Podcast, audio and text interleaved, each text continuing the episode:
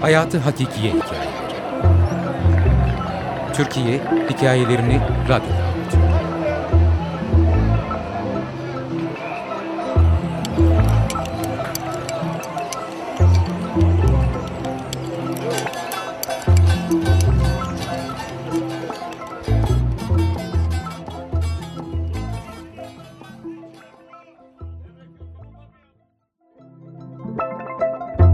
Kösken göy gök, köres gök gök. Kösken göy gök, köres gök gök. Anneannem tavuklarını böyle seslenerek çağırırdı. Ama anlamını kendisi dahil kimse bilmezdi. Zaten kimse de sormazdı. Beslediğimiz her hayvanın mutlaka bir ismi vardı. Daima isimleriyle çağrılırlar ve hitap edilirlerdi. Ama çocukluğuma damgasını vuran tavuklarımızdı. Diğerleri başka öykülerin kahramanları olsunlar. Ben bu sefer size prensesi anlatayım. Ama önce annemi tanımalısınız kısaca. Hayvanlar ve çocuklar için dünyaya gelmişti sanki.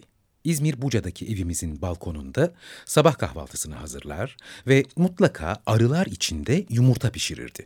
Öyle ya, arılar yumurtayı, eti ve balığı çok severler. Tam ağızlarına layık kıvamda yumurtayı haşlar, kolaylıkla yiyebilmeleri için de özenle kabuğu kırarak hazırlardı. Eziyet çekmeden yemeleri önemliydi. Prenses de bu özenden nasibini alıyordu.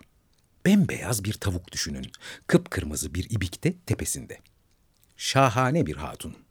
Annemin özeni şımartmasıyla da tamamen prensesliğinin hakkını verirdi. Yemeği üç öğün büyük bir özenle hazırlanırdı.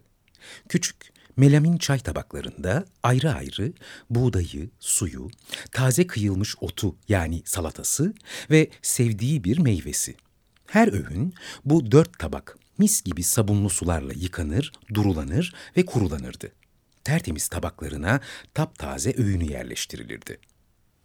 Evimizin balkonuna 8-10 basamakla çıkılırdı uzunca bir balkon ve ona açılan ana giriş ve mutfak kapıları.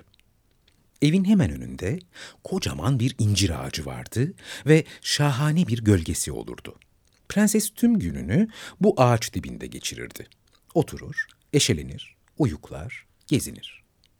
Yemek vakti annem seslenirdi kendilerine. Prenses, kızım, Neredeymiş benim prensesim? Hadi gel kızım, hadi gel de yemeğini ye. Prenses onu sonuna kadar dinler, aheste aheste yerinden kalkar ve o sekiz on basamağa tam şanına uygun adımlarla çıkıp gelirdi. Aynı bizler gibi yerdi yemeğini. Biraz buğday, biraz salata, arada su ve meyve, sonra yine buğday. Annemin onunla sohbetine cevaplar verir, sonra da salına salına tahtına geri dönerdi. Çok sıcak bir İzmir günü annemin işi çıktı. Bizleri Nevin teyzeye emanet ederek gitti. Nevin teyze de annemin tam zıt karakteri. Annem ne kadar sakinse o da o kadar telaşlı. Annem ne kadar sevgi doluysa o da o kadar canlılara özensizdi. Ama Allah için çok temiz, aşırı titiz bir kadındı dünyayı yıkayıp temizlemek gibi bir telaşı vardı daima.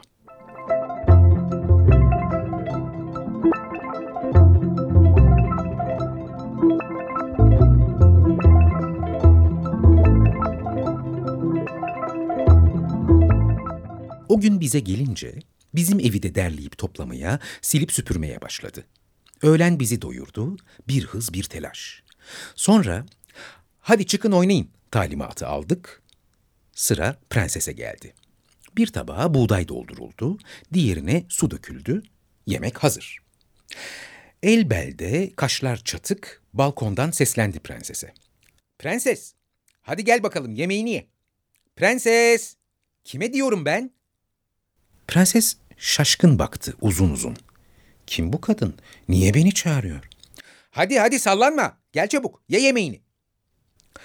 Prenses çok yadırgadı ama belli karnı da aç. Tereddütle çıktı merdivenleri. Ne tezahürat var ne de o sıcacık ilgi. Tabakların başına geldiğinde ikinci şok. Bu mu yemek dediği? Neler oluyor? Hadi hadi çabuk ye buğdayını. Balkonu yıkayacağım. Bir naz bin niyaz. Olmaz. Bu kadarı da fazla. Kaldırdı yandan gözlerini Nevin teyzeye, dik dik baktı ve bıraktı yemeğini. Bir dönüşü var inanamazsınız. Gok gok gok gok. Söylene söylene indi merdivenleri. Gitti oturdu ağacın altına. Yandan hem Nevin teyzeyi gözetliyor hem de aralıksız söyleniyor. Akşama kadar yerinden katiyen kımıldamadı. Şu Nuran'a bak yahu. Tavukları bile şımartıyor tepemize. Tavuksun sen tavuk. Geleceksin yemini yiyip suyunu içecek gideceksin ama yok. Nuran'ın tavuğuysa hiç olur mu? İlla izzet illa ikram haspam benim. Akşam oldu.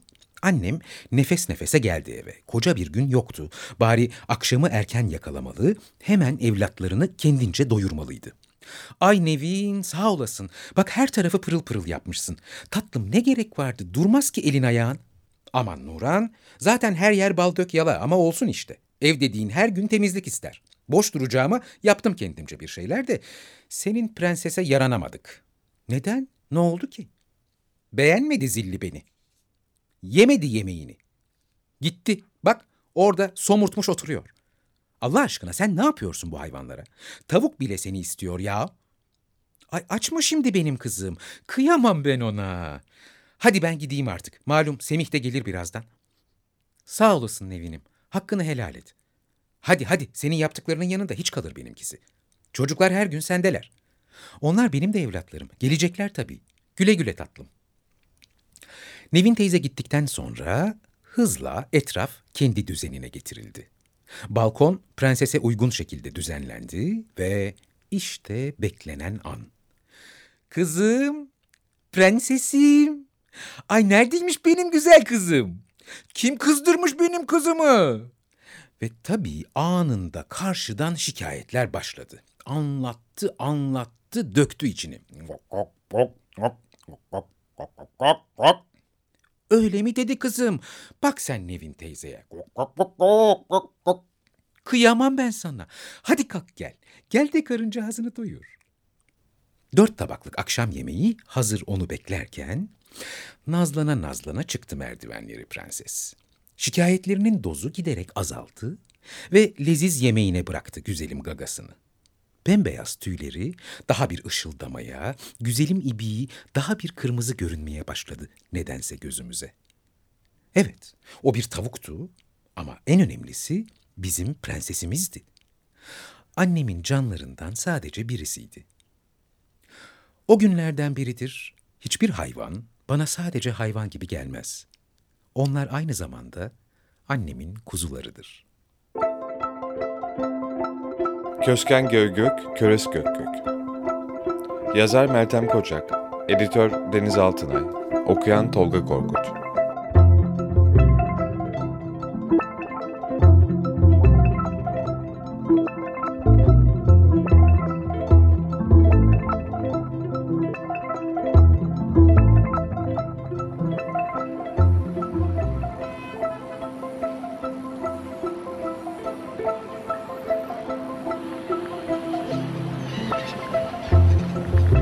Hayatı Hakikiye Hikayeleri Türkiye Hikayelerini Radyo'da